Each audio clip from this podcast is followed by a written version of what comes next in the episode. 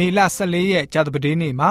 လေ့လာသွားမယ့်ဥပုသ္စာပြေသင်ခန်းစာရဲ့ခေါင်းစဉ်ကတော့စာအုပ်များနဲ့ရင်းတို့ပေးသောသတင်းဖြစ်ပါတယ်။နှုတ်ကပတ်တော်ရဲ့အကျယ်ပြန့်ဆုံးကတော့တမန်ကျမ်းစာကိုစုပေါင်းပေါင်းထည့်ထားတဲ့စာအုပ်စာဆောင်တိုင်းဟာမတူညီတဲ့အကြံအစီနဲ့ရေးသားထားကြပါတယ်။ကွဲပြားတဲ့အစီအစဉ်နဲ့ရေးသားထားပါတယ်။တချို့ကတော့အနာဂတ်သတင်းစကားတွေတချို့ကြတော့ရာဇဝင်တွေကိုစူးစီးရေးသားထားတာပြီးတော့ဆာလံကျမ်းသချင်းလိုအကြောင်းအရာမျိုးစုံကို ရေးဖွဲ့ထားတာမျိုးပြီးတော့တမိုင်းအကြောင်းအရာတွေကိုရေးသားထားတာမျိုးတွေ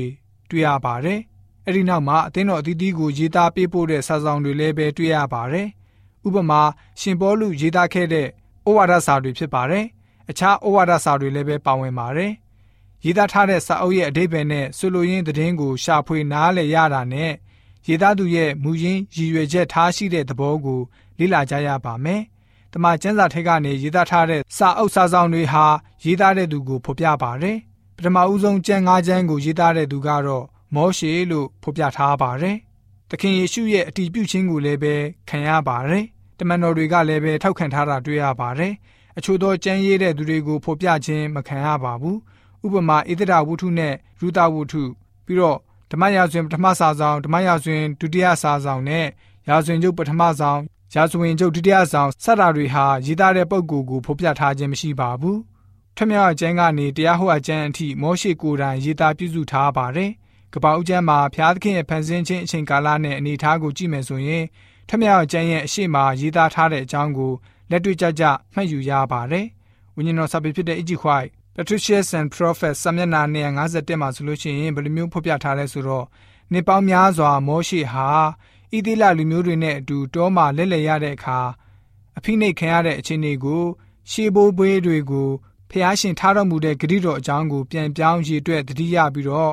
လူမျိုးတစ်မျိုးနိုင်ငံတစ်ခုအဖြစ်ရွေးချယ်ခံရမယ့်အကြောင်းမောရှိယာဆိုရင်ထာဝရဘုရားထံတော်ကိုနှိမ့်ညမပြတ်ဆုတောင်းနေခဲ့ပါတယ်။ကောင်းကင်တမန်တွေကလည်းပဲမိမိတို့မှာရှိတဲ့ကိုရောင်ကိုဝါကိုမောရှိအပေါ်ကိုလွှမ်းမိုးစေခဲ့ပါတယ်။တန်ရှင်းတော်မူတဲ့ဝိညာဉ်တော်ရဲ့မှုတ်သွင်းခြင်းခံရပြီးတော့ ကဘာဦးကျမ်းကိုရေးသားခဲ့ပါတယ်ဆိုပြီးတော့ဝိညာဉ်တော်စာပေကဖော်ပြလိုထားပါတယ်။ကဘာဦးကျမ်းမှာကျွန်တော်တို့သိရတဲ့အကြောင်းအရာတွေကတော့လူသားရဲ့မူလအစသာမကပဲနဲ့ကယ်တင်ခြင်းရဲ့စီမံကိန်းအကြောင်းလည်းပဲသိရှိရပါတယ်။ဖျားရှင်ဟာ